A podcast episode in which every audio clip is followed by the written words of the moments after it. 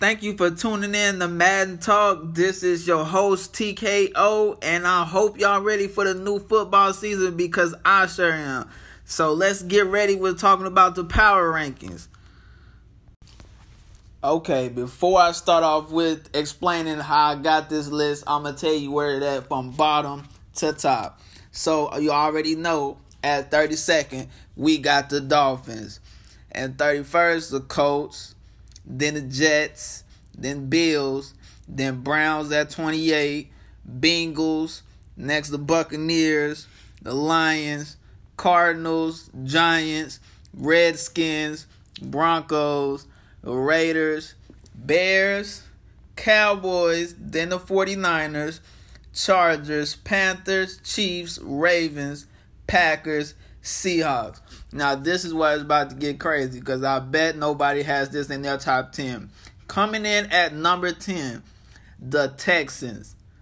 Then the Titans at number 9, the Steelers at 8, the Falcons at 7, Vikings at 6, 5 the Saints, at 4 Patriots, Rams at the third spot, Jaguars at number 2, and of course the Eagles as number 1 as Super Bowl winners. Okay, so I'm gonna get started debunking my list because I know some people are mind boggled of where I where I place the teams at. So let me go ahead and get started at number one with the Eagles. So they are they have they just won the Super Bowl really. Their roster is clean, nothing really changed. Only a, a healthier Carson Wentz that's hopefully gonna make it throughout the whole season. And as long as that's going on, you know they're Super Bowl contenders once again. They're the team to beat. And then at number two, we have the Jaguars. They're young, but also talented on both sides of the ball. You know, the only question I have is can Blake Bortles be consistent? You know, we need a consistent quarterback. I really thought they should have got a quarterback in the free agency, you know, Teddy Bridgewater or something like that, but I think they'll be just fine. At number three, we got the Rams. They really had the best offseason. I feel like they're going to have the best D line with Ndamukong Suh and they just acquired Brandin Cooks.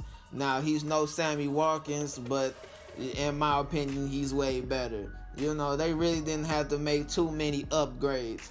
Now, only reason I feel like they fell short in the playoffs because the lack of experience. But this year, they're ready to go. At number four, I have the Patriots. As long as Bill Belichick is here and Tom Brady, you know they're already creating something. You can't knock them out the top ten unless they just really really, really play terrible this year. So let's see how that going. At number five, we have the Saints. In my opinion, they shouldn't. Have, they don't have nothing to change. I felt like they had the like the number one productive offense. You know, Kamara and, and Ingram. They is one-two punch backs. Um, they got the best wide receiver in the game. Can Drew Brees redo, recreate that magic he made last season? I don't know. We'll see. At number six, and it's kind of crazy because I really didn't want to even put him in the top 10, but I felt like I had to with the Vikings. I just felt like they all showed. You know, they played all their cards. You know, Kirk Cousins is not he's not the quarterback they really need. But we'll see how that how that goes on during the season. I feel like they won't even make it back to the playoffs this year. My opinion. I say it, make them my words. At number seven, we got the Falcons. They're scary good. They just got better.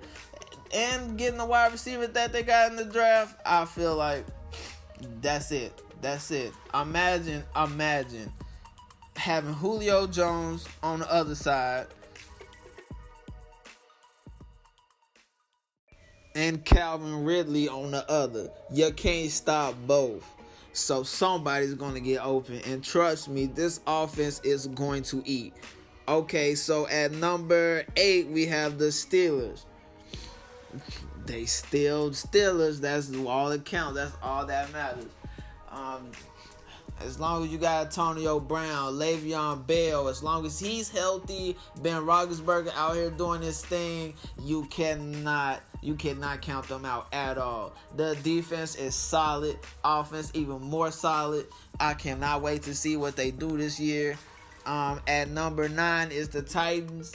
Now they was quiet. They was quiet last season, but they was also good. So they like on both sides of the ball. They was pretty. They was pretty decent. It's not too much. Mariota, you know, he just keep on progressing as he gets older, and you know this is like his third season, so we're really trying to see what is going to happen there. Um, when you got competitors like Jags and the Texans, it's kind of hard. You're not going to make it out the South like that, so they really just have to focus. They really have to get it together. They got to put it together. The pieces got to come together. This is the year for them. I feel like this is going to be the year they're going to make it deep in the playoffs. Um, number 10, Texans.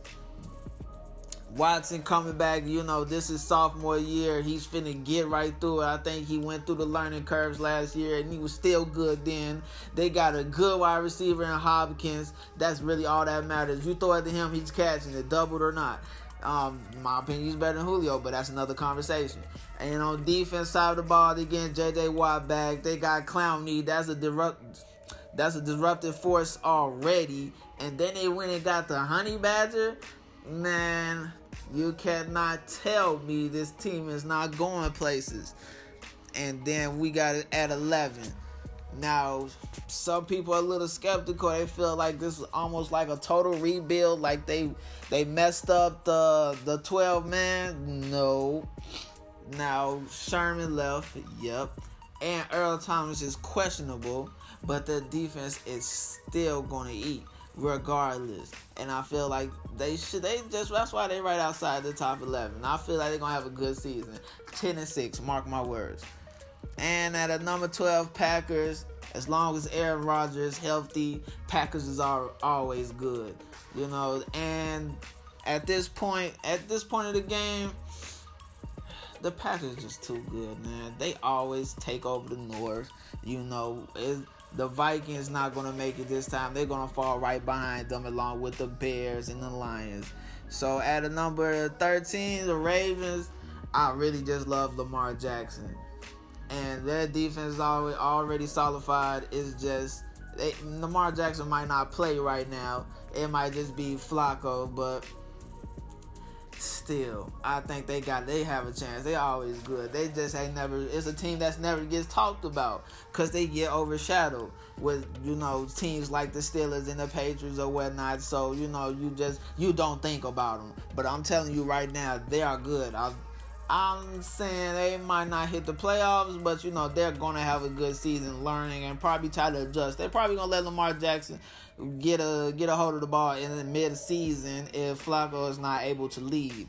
Hopefully, we get to see him earlier than than expected. At the 14 is Chiefs, and it's hard to really gauge where to put the Chiefs because some you look them on paper, they're like they're really good. They have Sammy Watkins and then Tyreek Hill, and that's enough to make you go crazy. And then on top of that, you got Kareem Hunt, who by the way led all the running backs in rushing yards.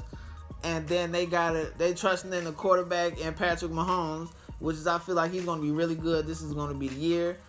But then you just feel like, and then you look on the defensive side of the ball. I'm like, they're getting kind of old Justin's getting kind of old. You know, you try to see what, what's going to happen that way. But, you know, as long as Andy Reid is coaching, leading him over there, I feel like they'll be good. But, um, it's just going to be a little hard, you know, contending over there in the West. So we got at number 15 is the Panthers. It's Cam feel like what who do they pick afterwards? That draft is really decent.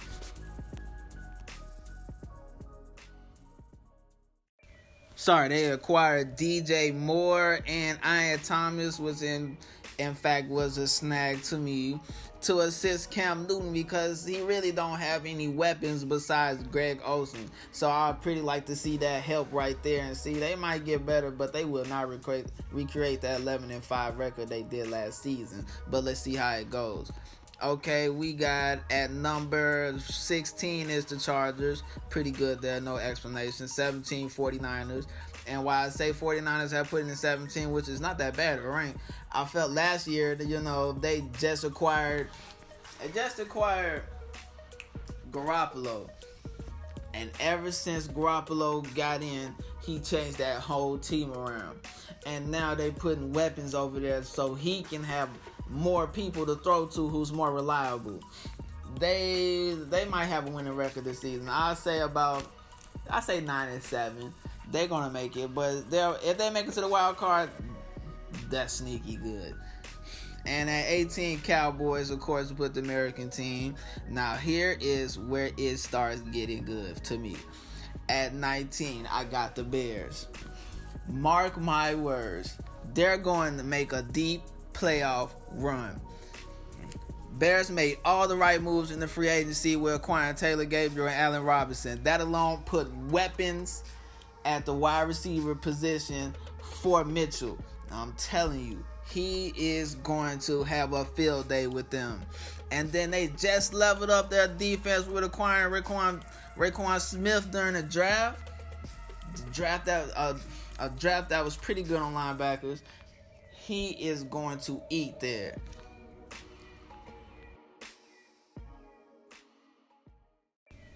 So at number 20, we have the Raiders. Just two seasons ago, you couldn't tell me they were Super Bowl bound. But looking on the way things are now, I barely believe that I have a winning record by the end of the season. They snoozed the whole draft, so I don't expect nothing more than what they already gave us last season. Maybe a little surprise, but that's all. At number 21, we have the Broncos. Their defense is more than solid, and they're sticking with their philosophy that defense wins games, and that may be true, but you still need some type of production from your offense. I expected them to add someone stellar on offense, but I was disappointed. Will defense carry them all the way back to the Super Bowl again? It's too early to tell, but I'm already going to say no. At 22, we have the Redskins. Only time would tell whether it was better to dump Cousins for Alex. But all in all, the Skins are not a bad team. The defense got a boost with signing McPhee, and Scandrick would be able to pair with Norman, where would, have made it scary if they had Fuller mixed in the slot. But we'll see how things pan out. At 23, we got the Giants. I really can't say I'm a fan of them drafting Barkley instead of getting a quarterback like Rosen.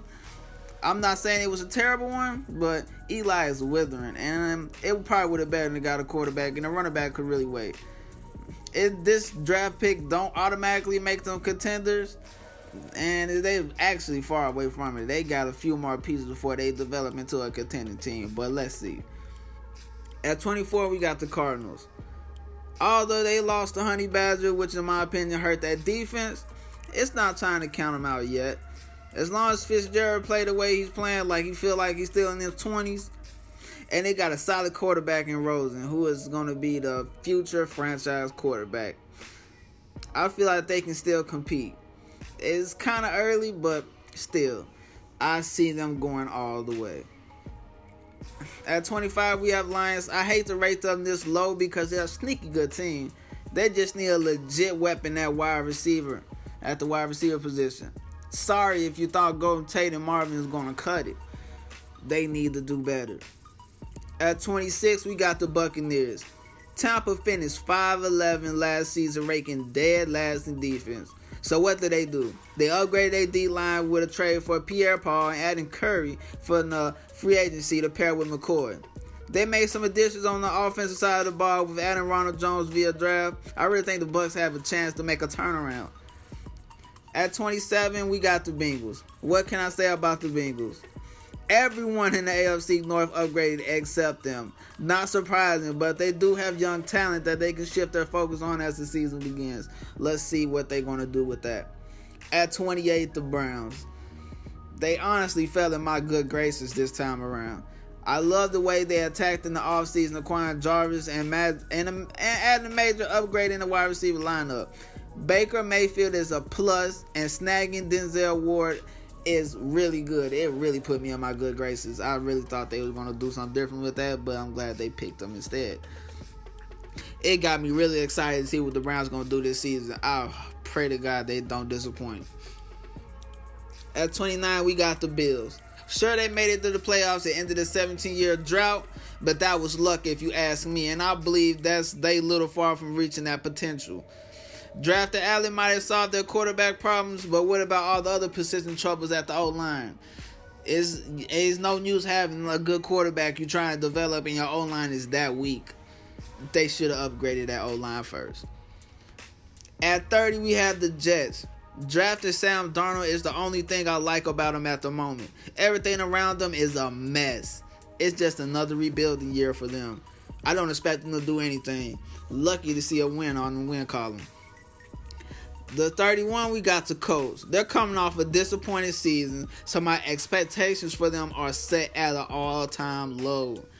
Still has so many questions about this. Is the big one. This is the biggest one. This is the biggest question. Will Luck actually stay healthy? Not just for one game. We need them all 16 games. Will that's the biggest answer. And and on the side, the side question, will that old line stand up? Only reason Luck gets injured because he he's like the most sacked quarterback since he entered the league. With that weak O line, it really needs to upgrade. I hope to see it looks better starting this season. And you already know the 30 seconds Dolphins. They have a they running a Jarvis-less offense that's either going to be led by the injury-prone Tannehill or an interception-prone Cutler. None of them are good.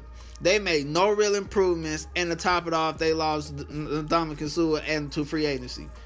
They'll be lucky to get any type of win. They is going 0 and 16 like Detroit in 08.